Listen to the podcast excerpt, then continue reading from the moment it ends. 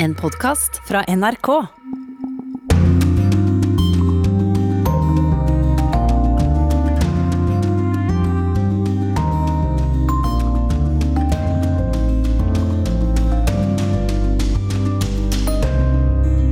Wir sehen einen Aufschwung vor uns und wir werden aus der Krise rauswachsen. Gut, dass wir zusammengehalten haben. Hvem skal styre Tyskland etter morgendagens valg? Sosialdemokratene leder knapt på meningsmålingene. I denne delen av byen var det under det siste lokalvalget for ett år siden bare 22% av alle som har stemmerett, som faktisk stemte. Det er den dårligste oppslutning på landsbasis. Vår reporter har besøkt en by i Tyskland der svært mange har vendt ryggen til demokratiet. Myndighetene her i Moskva vil gjerne fortelle hvor effektivt det nye betalingssystemet er. Men de har liten lyst til å svare på spørsmål om ikke dette er en veldig kraftig overvåking av de reisende. Moskvas berømte metro innfører ansiktsgjenkjenning. Mange frykter at Putin-regimet får et nytt redskap til å holde øye med sine kritikere. Ellers i denne sendingen kan vi by på korrespondentbrev fra Beijing og en ny episode av podkastserien Krig og fred 11. september. Bin Laden nikker og sier meget interessant, eh, men kanskje litt for ambisiøst. De skulle bruke passasjerfly som bomber. Dette er utenriksredaksjonens ukemagasin Urix på lørdag. Jeg heter Arnt Stefansen. Morgendagens parlamentsvalg i Tyskland er hovedsaken i denne sendingen. Og vi går rett til Berlin og vår reporter Roger Severin Bruland. Hvordan er stemningen i den tyske hovedstaden dagen før dagen? Ja, det blåser en varm fønvind gjennom Berlin, og det er vel egentlig ganske så stille før stormen. Eneste som er å se ute på gatene her, er vel eh, litt sånn 40-årskrise som skal springe maraton, samtidig som det er valg i tettsittende tights. Så eh, ja. Eh, det er vel litt sånn som det er i Tyskland, at ja, en tar ikke av før det skjer. Hva viser de siste meningsmålingene? Ja, det er veldig spennende. Vi ser jo nå at altså Kristendemokratene sin kandidat Armin Laschet har fått litt drahjelp av Angela Merkel eh, ute i, i, valgkampen. Og det ser ut som de knapper litt eh, inn på forspranget til sosialdemokratenes eh, Olaf Scholz. Så hvis vi ser på denne Eh, sammensetninga eh, av eh, meningsmålinger som Politico har gjort, så skiller det tre prosentpoeng. og Det betyr det at det er egentlig dødt løp. Og også et privat institutt her i Tyskland har også gjort sin egen meningsmåling der Eh, rett og slett er likt mellom de to partiene. Men det er altså så jevnt at eh, selv om det er sosialdemokratene som har hatt mest vind i segla, så blir det utrolig spennende i morgen å se det endelige resultatet. Ja, Når vil valgresultatet være klart, tror du? Ja, vi vil jo få de første Altså eh, eh de første eh, projiseringene klokka seks. Og da vil jo nok eh, det meste være klart. Da vil jo også eh, førerhåndsstemmene ha blitt opptelt. Men hvis det blir veldig jevnt, så kan det ta litt lengre tid å få et, et svar på det store spørsmålet hvem som skal styre Tyskland fremover. Absolutt, men vi regner vel med at vi har eh, resultatet i løpet av eh, kvelden. Hvordan eh, dekker vi valget her i NRK i morgen? Ja, det blir jo ekstrasendinger rundt i tretida, og også i nitida på kvelden på NRK TV. Så da skal vi følge opptellinga og avstemminga tett. Takk til deg, Roger Severin Bruland, NRKs mann i Berlin. Du får en travel dag i morgen. Eh, her i studio sitter eh, Ket Hansen Bundt, generalsekretær i Den norske atlanterhavskomité og Tysklands kjenner. Eh, Hva blir den største utfordringen når vi nå får et, resultat? Enten at Sosialdemokratene vinner, eller at Kristeligdemokratene vinner? Jeg tror uh, at vi vil få et resultat hvor De grønne vil komme til å komme inn i regjering. og det ble spørsmål om om man får med seg Fridemokratene inn i regjering. Og Det er da altså opp til enten kristeligdemokrater eller sosialdemokrater som største parti til å danne en sånn trepartikoalisjon. Og de har forenet skattekuttpartiet Fridemokratene med De grønne, som vil bruke mer penger på offentlige utgifter, både når det gjelder fornybar energi, omstilling til en klimanøytral, eh, klimanøytral Tyskland, og sosiale utgifter for å over for å få til bedre sosial likhet i det tyske samfunnet, det skal bli vanskelig for de to store.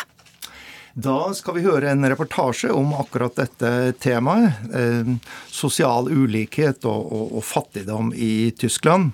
Det er altså da eh, 83 millioner innbyggere i Tyskland. Rundt 60 millioner har lov til å, å, stemme.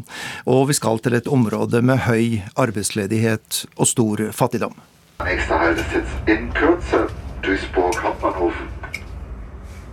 Ladies and gentlemen, our next stop Duisburg. En fire timers togtur vestover fra Berlin har tatt meg dit hvor elvene Rhin og Ruhr flyter sammen. Her i Duisburg bor ca. en halv million mennesker fra 160 land. Byen har den største innlandshavn i verden og er kjent for sin stålindustri. Det høres både fargerikt og lovende ut. Hvorfor er det da så få som bruker stemmeretten sin under valg her? Det skal denne mannen hjelpe meg med å forstå. Ich heiße Mirza Edis, äh, ich bin 49 Jahre alt und lebe seit 46 Jahren in Deutschland.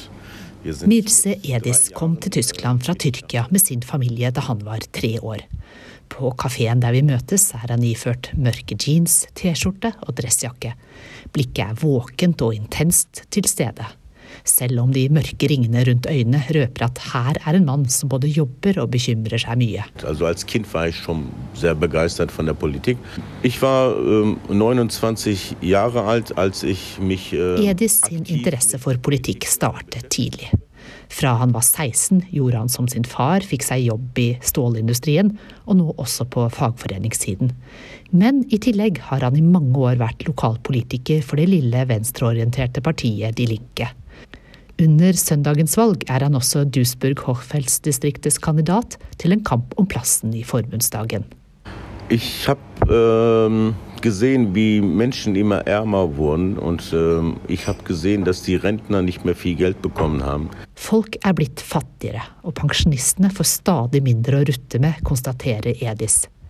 Nedleggelse av kullindustrien og krevende stålmarked har gitt byen den nest største arbeidsledigheten i landet på hele 13% Det er dobbelt av landsgjennomsnittet, og i tillegg er mange nord i byen avhengig av sosialhjelp for å overleve. Skal det endringer til, må folk bruke stemmeretten sin på søndag, mener Mirse Edis. Vi ble med han rundt på sin daglige bytur, der han oppfordrer folk til å stemme.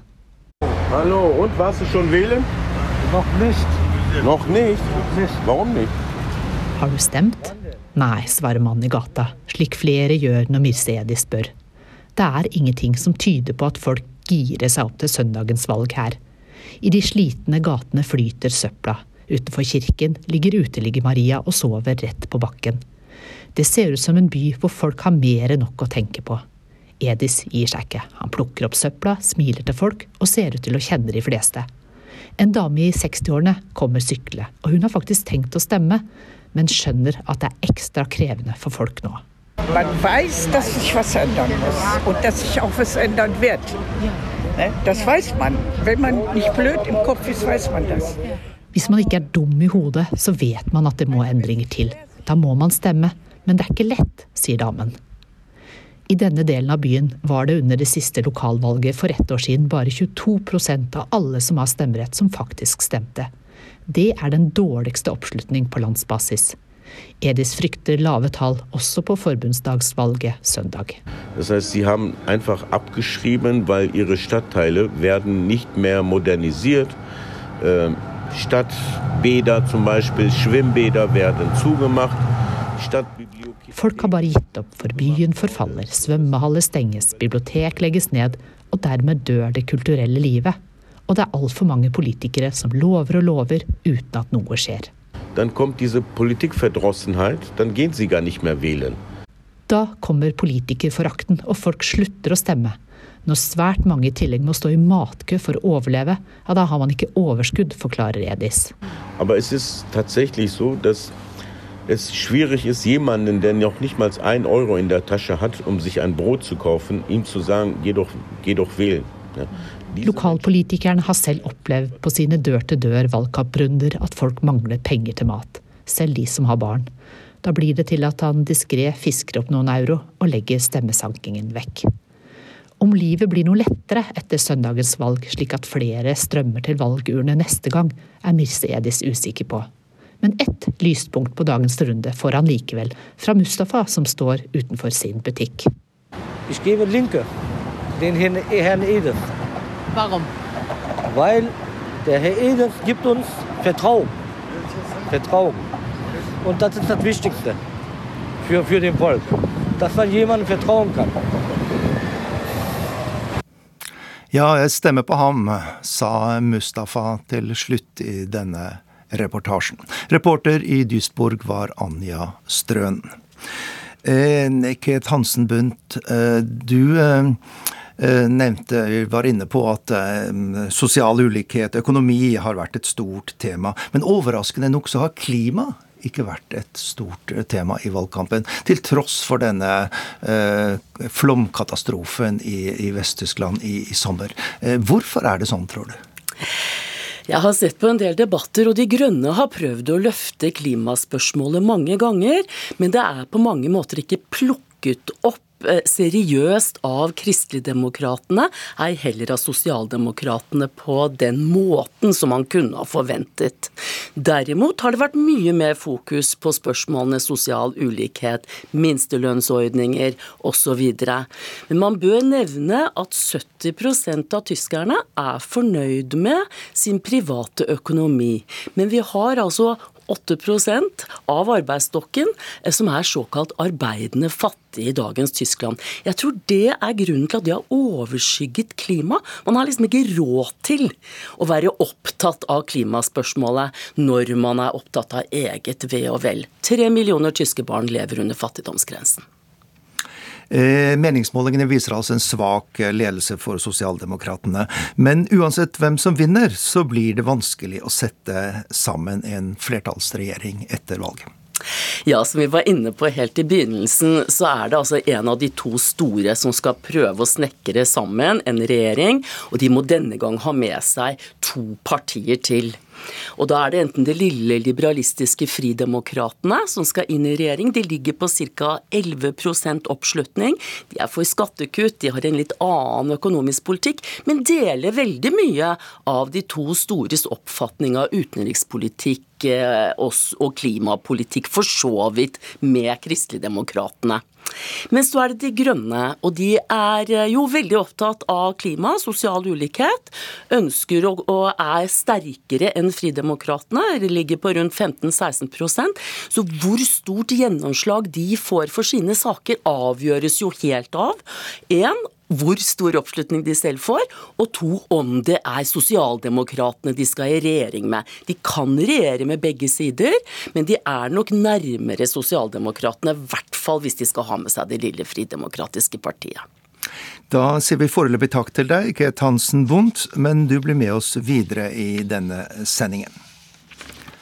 Hun var et lykketreff i tysk historie. Det sier en professor ved Humboldt-universitetet i Berlin om forbundskansler Angela Merkel. I 16 år har hun styrt Tyskland, og hun har vært selve symbolet på stabilitet og trygg ledelse i en dramatisk tid for Europa og verden. Brüder zusammen zur Hun hørte nok ofte denne populære kampsangen da hun vokste opp i det kommunistiske DDR. Men Angela Merkel var ikke medlem av partiet, og hennes forhold til regimet var trolig så nøytralt som det var mulig for en DDR-borger. I kommuniststaten var naturvitenskap et av få områder der man kunne gjøre karriere uten å gå gradene i partiet. Og Merkel studerte fysikk, først i Leipzig og deretter i Øst-Berlin, der hun var da livet tok en helt ny retning. Lykkelige østtyskere strømmer til Vest-Berlin når muren faller den 9. november 1989. Blant dem som deltar i feiringen, er den 35 år gamle Angela Merkel. Etter en tid melder hun seg til innsats for et lite østtysk parti og gjør en lynrask politisk karriere. Bare et drøyt år senere sitter hun som minister i regjeringen i det samlede Tyskland. Jeg schwöre, dass ich meine Kraft dem Wohle des deutschen Volkes widmen i 2005, i en alder av 51 år, når Angela Merkel toppen i tysk politikk. Under et møte i landets parlament, forbundsdagen, avlegger hun eden som forbundskansler. Så var mir Gott helfe.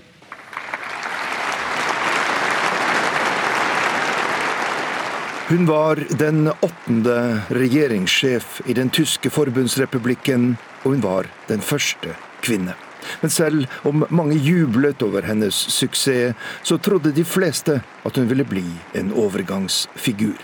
Og først etter flere år ble hun den folkekjære politikeren tyskerne i dag kjenner som Mutti Mamma.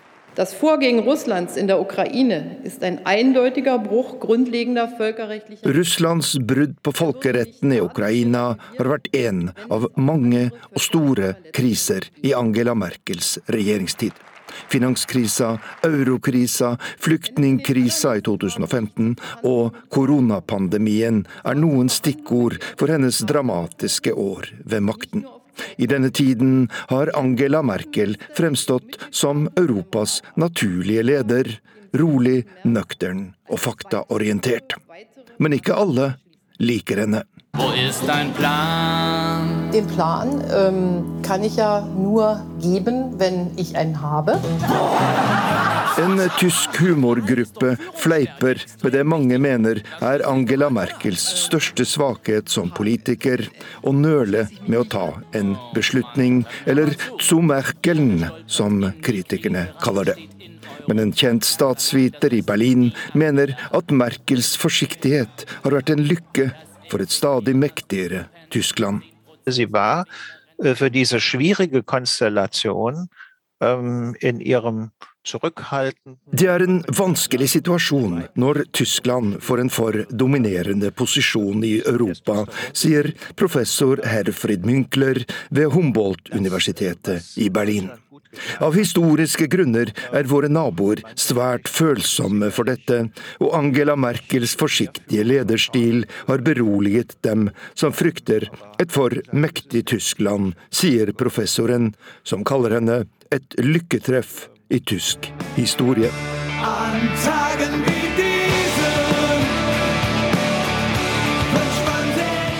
Landsmoderen går fra borde etter 16 år ved makten, og enkelte kritiserer henne for å ha vært for lite opptatt av likestilling og feminisme.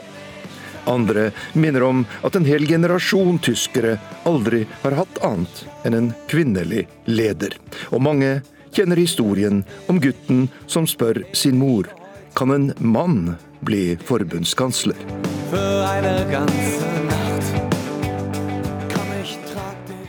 Kate Hansen Bundt, eh, hva er den viktigste grunnen til Merkels enestående popularitet gjennom så mange år?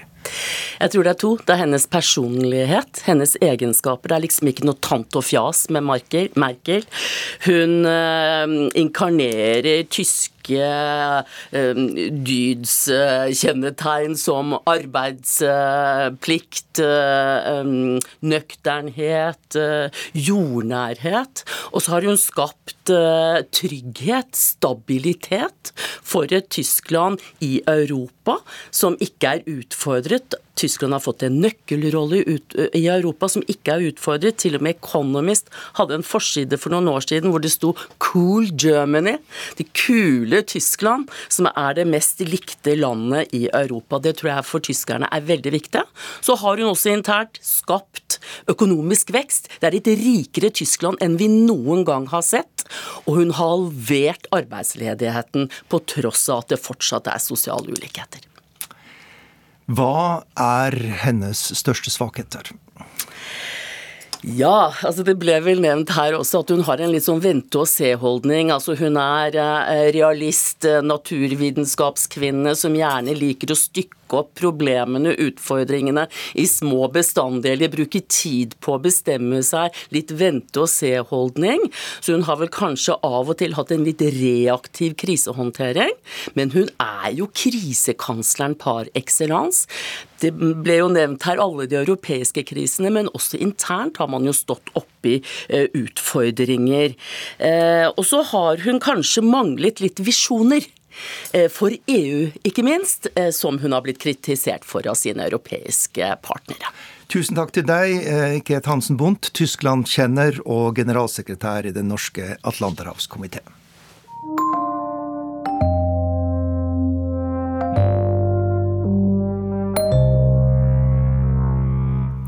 Vi skifter tema. Den islamske stat, IS, er blitt mer aktiv i det borgerkrigsherjede Syria. Terrororganisasjonen gjør stadig nye angrep mot sivile og militære mål. Den 17 år gamle Ibrahim var med i en av IS' såkalte sovende celler og gjennomførte oppdrag som frakt av veibomber, bortføring og drap. NRKs reporter Mohammed Al-Ayubi møtte 17-åringen i et fengsel i nordøst-Syria. Så skjedde det igjen. En gassrørledning ble sprengt sist uke i Syria. Ledningen forsynte et strømkraftverk utenfor hovedstaden Damaskus. Halve Syria mistet strømmen. Angrepet ble gjennomført av IS' sovende celler. Forrige uke gjennomførte kurdiske selvstyremyndigheter en stor operasjon og arresterte 30 unge menn. Ifølge myndighetene var de arresterte en del av IS' sovende celler. IS har nå klart å etablere flere slike celler i grensen mellom Syria og Irak. Disse cellene gjør stadig nye angrep og har blitt et problem i området. يستطيع الآن شن بعض الهجمات على النقاط العسكرية أو حتى المدنية أو حتى IS har nå kapasitet til å gjennomføre angrep mot militære og sivile mål i nordøst-Syria. IS har ikke lenger geografisk kontroll i området, men deres ideologi lever fortsatt blant mange her. Det forteller Siamand Ali. Han er talsperson for Syrian Democratic Forces til NRK.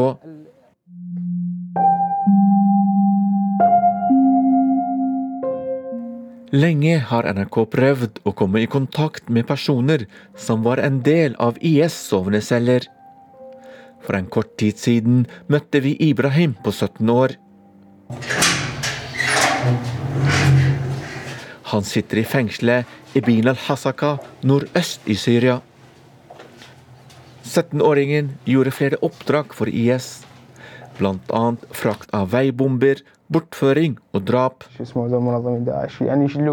I intervjuet forteller Ibrahim om hans første oppdrag. Jeg skulle bare bryte opp døra, og en annen skulle skyte en person som jobbet for kurdiske selvstyremyndigheter. Men idet jeg åpner døra, beveger personen på seg. I frykt begynner jeg å skyte. Det er første gang i mitt liv jeg dreper et menneske med mine egne hender. Bildene av den drepte surrer fortsatt i mitt hode. Det forteller Ibrahim i et intervju med NRK.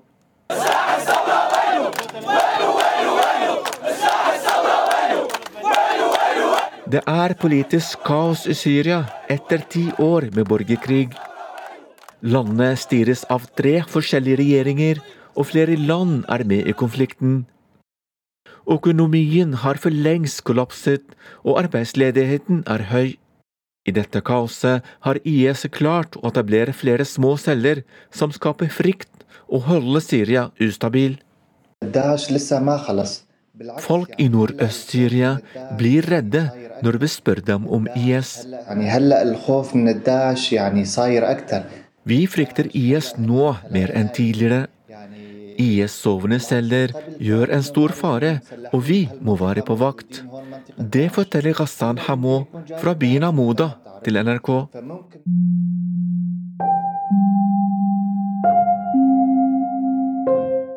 Ibrahim sier at han angrer på det han gjorde. Nå venter han på sin dom. Han risikerer mange år i fengselet i Nordøst-Syria.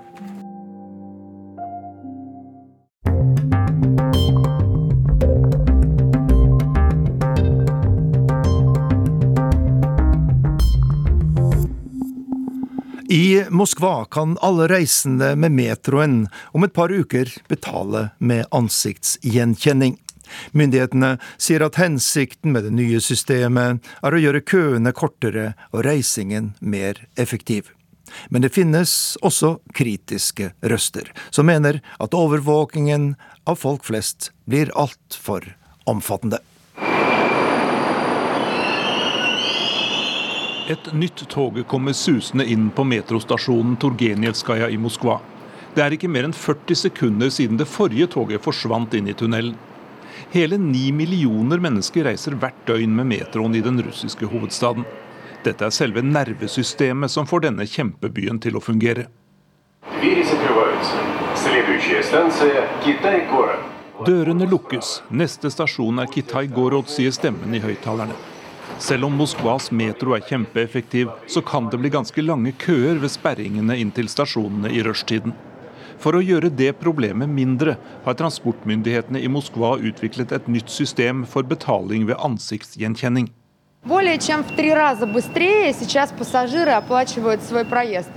Passasjerene kan nå betale for sin reise tre ganger så raskt som før. Ansiktsbetaling er en av måtene passasjerene kan bruke metroen raskere på og uten køer, sier Anna Lapushkina. Hun er talsperson for Moskvas transportmyndigheter.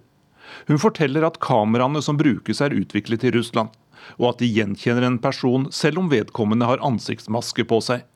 15 000 testpersoner har registrert foto, telefon og bankkort. Dette er praktisk, interessant, og det er ny teknologi. Jeg bestemte meg for å prøve, og jeg liker det, sier en av testerne, Vladimir Bjeljakov. Han viser journalistene hvordan det hele fungerer.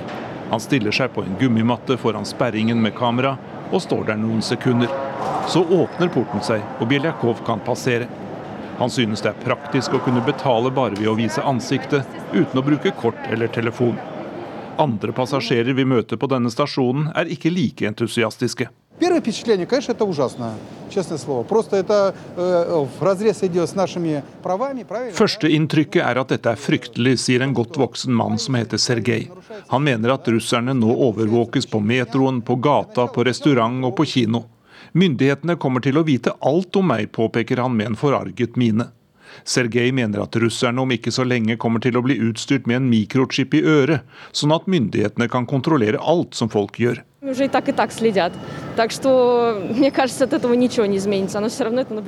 nye systemet kan være positivt hvis det fungerer skikkelig, sier denne unge kvinnen som heter Ljubov. For henne er det viktig at metroen er mest mulig effektiv. Hun tenker også på at de reisende kan bli overvåket, men hun tror ikke at det nye betalingssystemet gjør så mye fra eller til. Myndighetene følger uansett med på oss gjennom telefoner, sosiale medier og på andre måter, sier hun. Moskovittene i metroen går som regel fort og målrettet. Om noen uker kan alle som vil registrere seg i det nye betalingssystemet. Da skal det fungere på alle de 241 stasjonene. Etter hvert skal det finnes på alle de ulike transportmidlene i hovedstaden. Den uavhengige organisasjonen Roskomsvaboda overvåker russernes digitale rettigheter, og sier at ansiktsbetaling kan bli brukt politisk.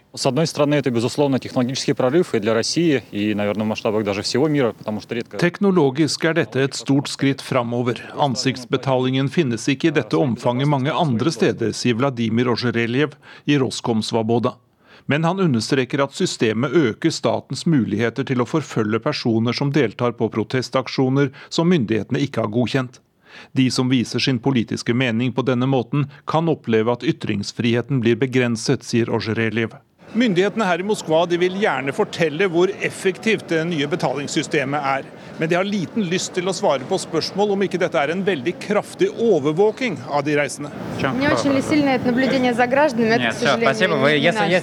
Nei, det kan vi ikke si noe om, sier talspersonene for transportmyndighetene i Moskva. Så takker de journalistene for frammøtet. Vår korrespondent i Moskva, Jan Espen Kruse, rapporterte. Du hører på Urix på lørdag, og vi er kommet frem til ukens korrespondentbrev. Det er fra Kjersti Strømmen i Beijing. Jeg har aldri sett på meg sjøl som ei hønemor, men nå har det skjedd. Det måtte ekstremvær til. La meg først introdusere hovedfiguren i denne historien. Hun heter Doris og er ei svart høne fra Beijing. Hun oppfører seg deretter. Folk som er fra hovedstaden og kan pryde seg med stamtavle herifra, er liksom litt mer staselige enn andre. De er tross alt fra sentrum av midtens rike, fra keiserens by. Stolt slår de seg på brystet og utroper Worshilau Beijing, jeg er ekte beijinger. Da jeg først møtte henne, var hun sjef. De tre hønene hun delte hønsegard med, kom fra en annen provins og måtte være så gode å stille seg bak i køen.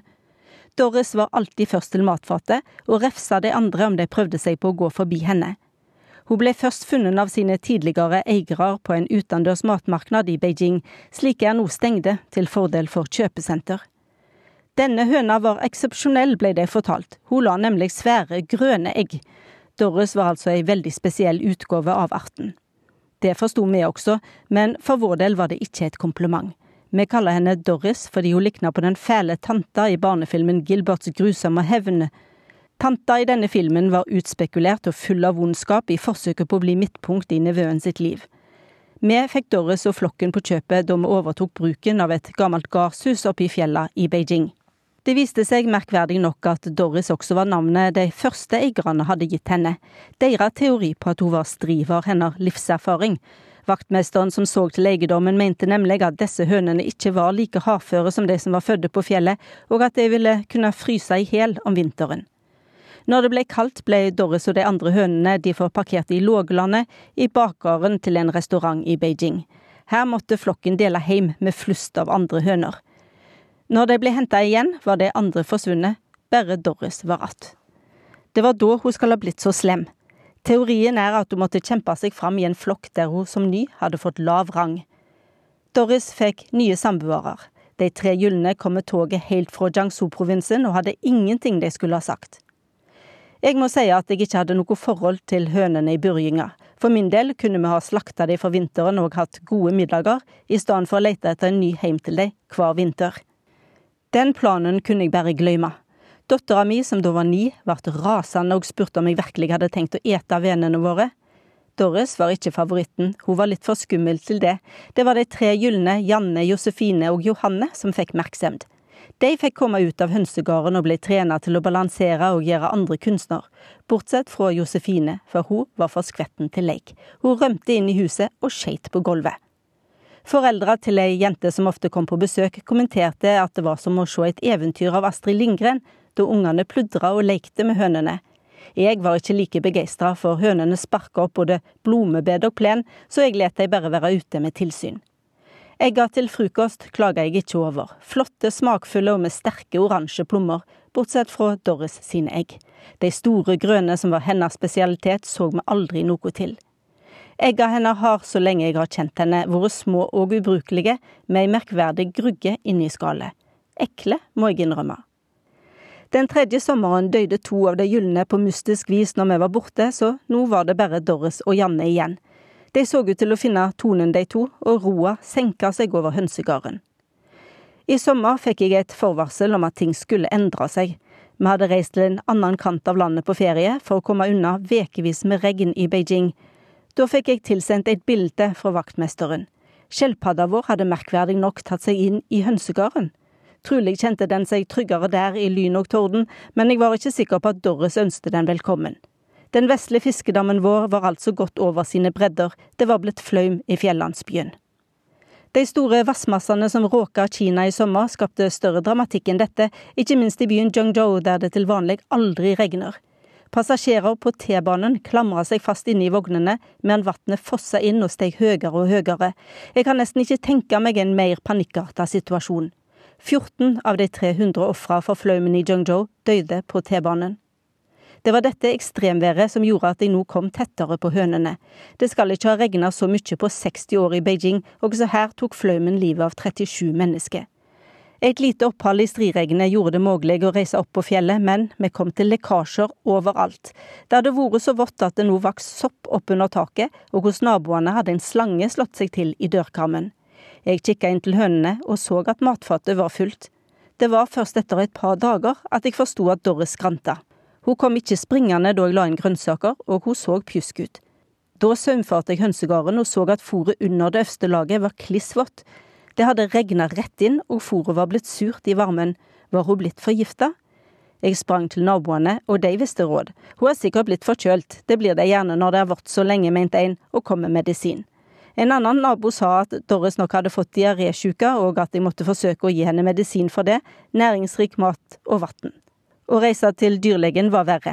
Landsbyen stengte portene, for delta-varianten av covid hadde nådd 35 kinesiske byer, og Beijing hadde fått fire tilfeller. Reiste vi ut med høna, kom vi ikke inn igjen i landsbyen. Vannet hadde dessuten ført til ras, og veien var nå sperra av kampestein. Det holdt fram med å pøse ned. Morgen, middag og kveld tvangsfôra jeg Doris fordi hun ikke åt sjøl, og når skiten kom ut, kunne hun jo ikke sitte i den. Da måtte jeg vaske bakenden og føne henne. Dattera mi så på meg med undring der jeg tulla høna inn i et håndkle og behandla Doris som en baby. Medan hun er blitt tenåring og for lengst er ferdig med å leke med høner, er det fremdeles ikke aktuelt å ete dem. Nå mente hun likevel at det gikk over alle støvleskaft. Hun ble rent arg over at jeg ikke hadde tid til å spille kort eller se på film, som jeg hadde lova. Men hallo, jeg måtte jo ta meg av høna. En gang fikk Doris bli med på å spille Monopol, og en gang fikk hun bli med å se på film, men det var nok for tenåringen. Enkelte dager var gode. Da satt Doris i sola og skein med blanke fjør og lente hovedet mot brystet mitt. Andre dager hang hun med nebbet. Bedre ble hun uansett ikke. Da jeg endelig fikk tatt henne til dyrlegen, var jeg blitt internettekspert på hønesjukdommer. Som leger flest mente veterinæren at teoriene mine var tullete. Dette var neppe smittsomt, sa han, men Doris var ikke sterk nok til at han ville ta blodprøve. Kanskje like greit, for ei slik prøve ville koste 700 kroner. Ute på gangen sto det folk med dresserte hunder, friserte katter og kvitrende fugler. Ei kvinne bar på ei død kanin. Hun gret, for livredning var ikke mulig. Jeg hadde nettopp vært i Guizhou-provinsen, der hundekjøtt står på menyen når det er fest, men det er ikke vanlig i Beijing. Her er kjæledyr ofte statussymbol.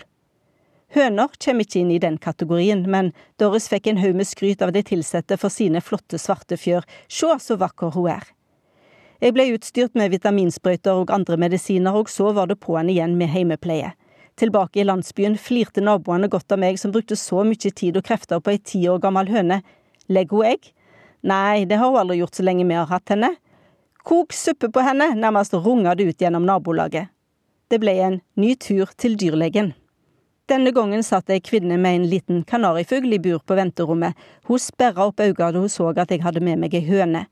Da tok jeg Doris på fanget og klappa henne, like stolt som en hane. Nå konkluderte dyrlegen med at Doris neppe kom til å kunne gå igjen, men det fantes en siste utvei jeg kunne prøve – akupunktur. Han mente det ville ta tid, men til tider gjorde det underverk. Der gikk grensa for meg.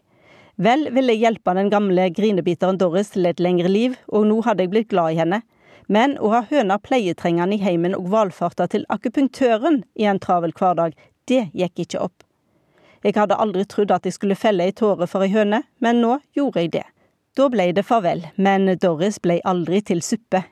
Siden det finnes en lokal kristen familie i landsbyen, kunne jeg forsvare at hun fikk seg ei grav, pryda med et lite trekors.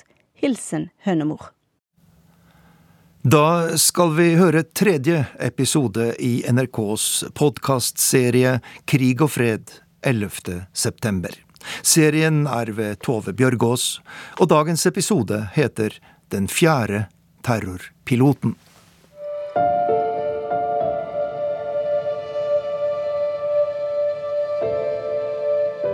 United 9-3, have you got information on that yet? Yeah, he's down. He's down? Yes. When did he land? He did not land. Det var 19 menn som utførte terrorangrepene 11.9. Etter at noen radikale islamister i Afghanistan hadde pitchet en helt vill idé. Bin Laden nikker og sier meget interessant, eh, men kanskje litt for ambisiøst. De skulle bruke passasjerfly som bomber. En av nøkkelpersonene i den ville planen var den 26 år gamle flyentusiasten Ziyad Jarrah fra Libanon. Han skulle krasje et fly inn i selveste kongressbygningen i Washington. Du hører på Krig og fred 11. september. Jeg heter Tove Bjørgaas. Tredje episode Den fjerde terrorpiloten. På en høyde oppe i fjellene vest i delstaten Pennsylvania står jeg og ser utover en stor gresslette. Der nede bukter en lang mur seg gjennom landskapet. Here um, a. Catherine Hostetlers jobb er å fortelle historien om det som skjedde her. Hun har på seg en brun uniform med en bredbremmet hatt. We're at the Visitor Center complex here at Flight 93 National Memorial, and we're sitting right beside the granite walkway which depicts the flight path of Flight 93. Catherine jobber ved minnesmerket for 11. september her i Shanksville, Pennsylvania. Det var her det fjerde flyet styrtet, etter at to hadde krasjet inn i tvillingtårnene og ett i Pentagon. United Airlines flight 93 var på vei fra New York til San Francisco denne morgenen. Det store flyet var halvtomt. Det var bare 44 om bord. Men i flyets førsteklassekabin var de fleste setene opptatt. Helt foran i sete 1B satt 26 år gamle Ziad Jarrah fra Libanon. Bak ham tre enda yngre terrorister fra Saudi-Arabia. Men Siad Jarrahs historie starter et annet sted.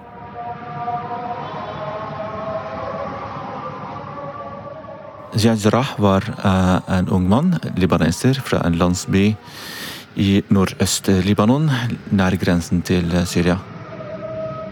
Hele Bekadalen er jo veldig grønt. Det der det meste av frukt og grønnsaker eh, til Libanon blir dyrket i disse områdene og blir eksportert til hele Midtøsten. Mohammed Alayobi er journalist i NRK og har selv vokst opp i Libanon. Han har nettopp vært i landsbyen der den eneste 11. september-terroristen som var fra Libanon, vokste opp. Han hadde en veldig rolig og normal oppvekst. Han kommer fra en rik og mektig familie. Han hadde alt han trengte til å lykkes i livet. Han kommer fra en, en familie som ikke var religiøs. De var muslimer, ja vel, de var jo det. Uh, men de var ikke religiøse. Uh, jeg tipper neppe at uh, faren hans ba fem ganger om dagen, eller søstrene hans. Vi så flere videoer hvor han danset, det var full fest. Hva var det egentlig han ønsket å gjøre med livet sitt? Han faktisk hadde lyst til å bli pilot, men faren sa nei. For faren sa at du er jo den eneste sønnen jeg har. Hvis du blir pilot, så kommer du til å krasje dø. Så jeg vil at du skal bli noe annet. Men så valgte han å bli flimekaniker. Ja, for da han var 20 år gammel, så fulgte han nettopp denne ambisjonen videre og flyttet til Hamburg i Tyskland for å studere til flyingeniør.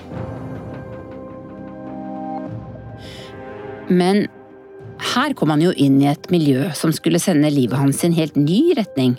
Ja, fordi uh, da han dro til Tyskland, da kanskje hans var en av hans første reiser til utlandet. Og da han følte seg alene. Og Der møtte han bl.a. Mohammed Atta og ble i moskeen. Og der møtte han en gjeng med ja, radikale grupper hvor de hadde sterk retorisk eh, påvirkning på han.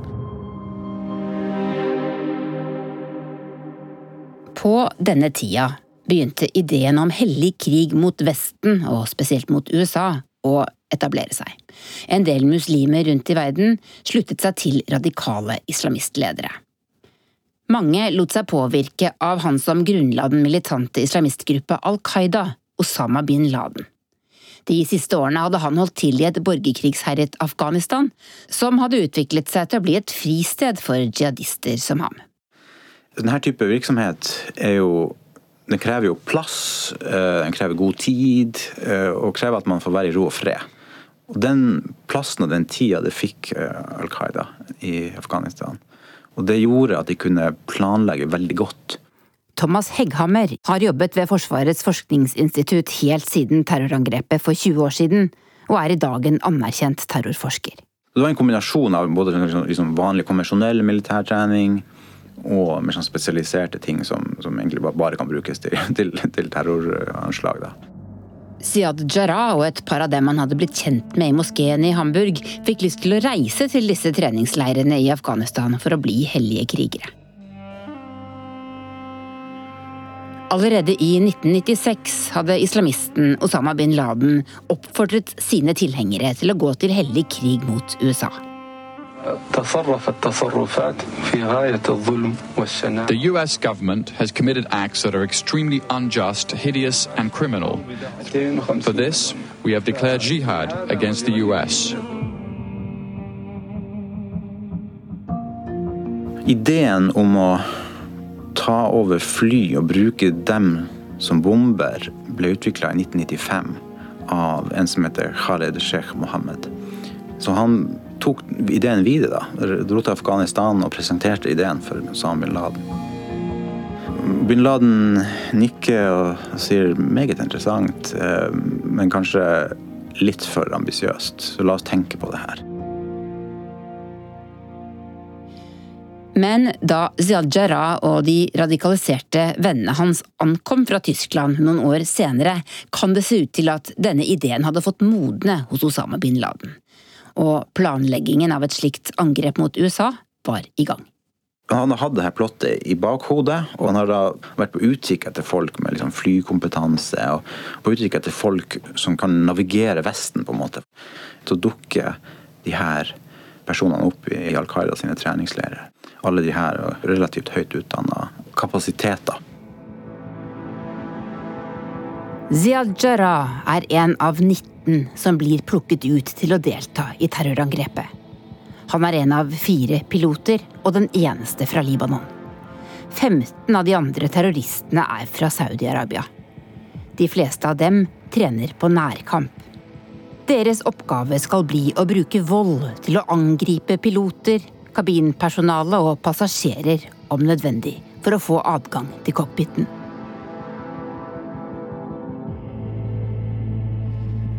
Sommeren 2000 flytter Siad Jarrah og to av de andre som skulle være piloter 11.9 til USA.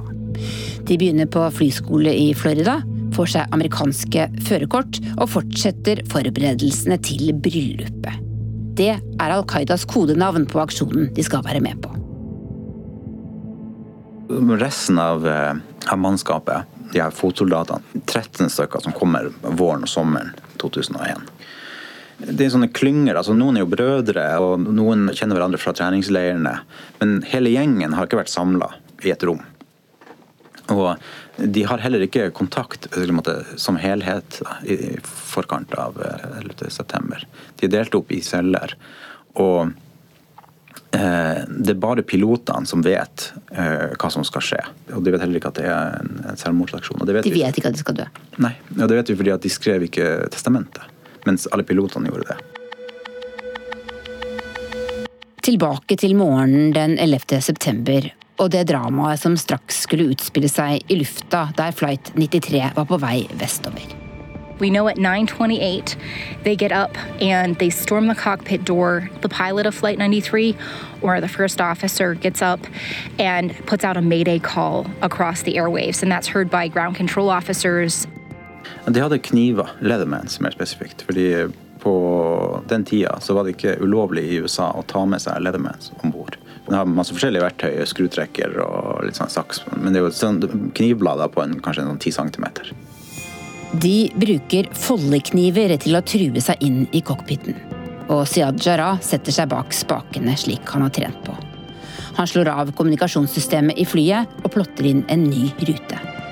And the hijackers use a handheld GPS coordinates um, and enter the coordinates for Reagan National Airport and head directly towards Washington, D.C. They're going to turn that plane around. Jarrah vet hva oppdraget er. Han snur flyet og setter kursen mot terrormålet Washington DC. Der skal han styrte flyet inn i kongressbygningen. Men så skjer det noe inni flyet som terroristene kanskje ikke var forberedt på. Mange av passasjerene skjønner at flyet er kapret. Over høyttalersystemet hører de en stemme med tjukk aksent be dem bli sittende.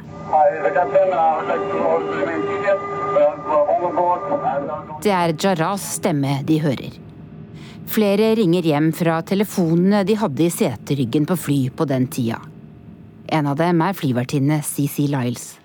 Hi, baby. You have to listen to me carefully. I'm on a plane that's been hijacked. I'm on the plane. I'm calling from the plane. Want to tell you I love you. Please tell my children that I love them very much.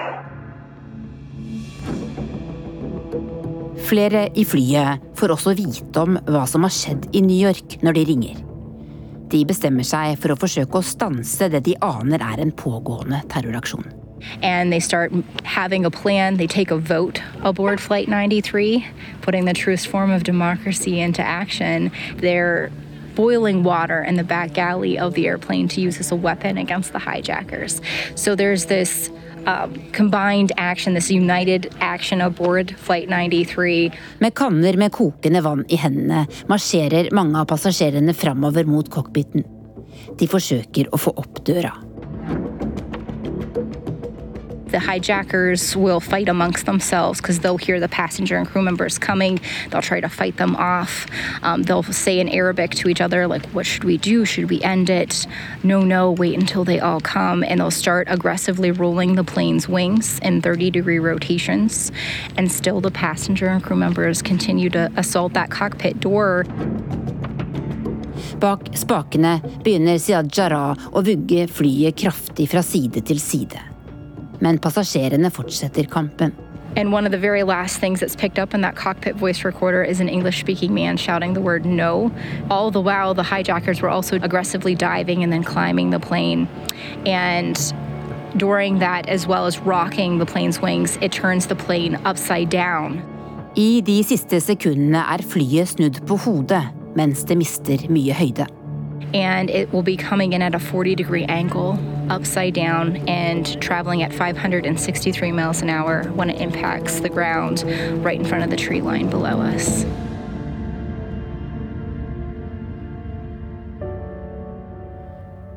Alle om bord blir drept momentant. Men passasjerene klarer å stanse terroristenes plan om å styrte flyet i kongressbygningen i Washington.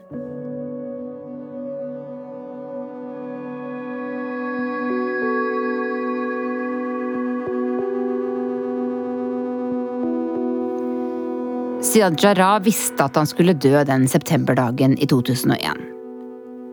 Det har altså gått 20 år, men i den lille byen i Libanon der han vokste opp, er det han gjorde fortsatt et åpent sår for mange.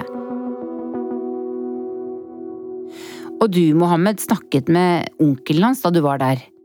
Hva kunne han fortelle? Selvfølgelig han ville ikke stille opp, og det tok lang tid for å overtale han om om å snakke med oss. da. Han drømte jo at Jarrah faktisk gjorde det han gjorde. At han ble radikalisert og kapret et fly og sittet på et jorde. Det sa han. Men samtidig så mente han uskyldig. At han ble faktisk mot sin vilje radikalisert og dratt inn i en terrorcelle og gjorde det han gjorde. Og, og, jeg husker jeg sto på et hjørne og skulle ta noen bilder til saken vi har jobba med. Så kommer en eldre dame. Hun var rundt 80 år. Hun gikk sakte. Eh, hun stoppet meg og spurte hva gjør dere her. Jeg sa vi lager en reportasje om Ziyad Jarrah. Du mener Ziyad Samir Jarrah?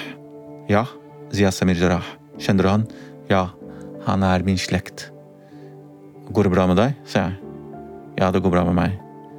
Og så hun så på meg, og jeg kunne se at øynene hennes begynte å bli røde. Akkurat nesten hun begynte å gråte. Så hun gikk inn døra og lukket igjen eh, døra som er lysebrun metalldør. Og da hun lukket igjen, så kom en lyd.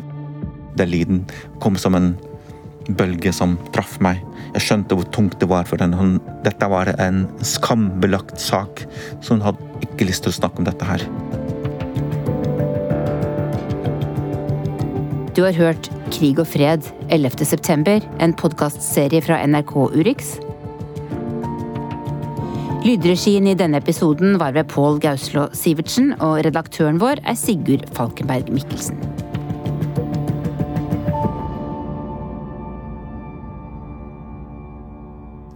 I neste episode Hva skjedde egentlig i Norge etter terrorangrepene for 20 år siden? De følger med hva du driver, hva du gjør. Hvor skal du fly? Du har hørt en podkast fra NRK.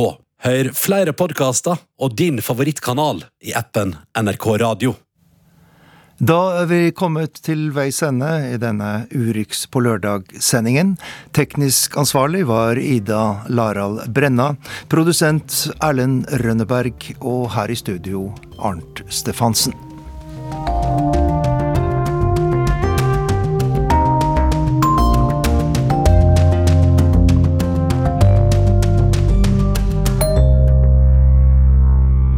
Du har hørt en podkast fra NRK. Hør flere podkaster og din NRK-kanal i appen NRK Radio.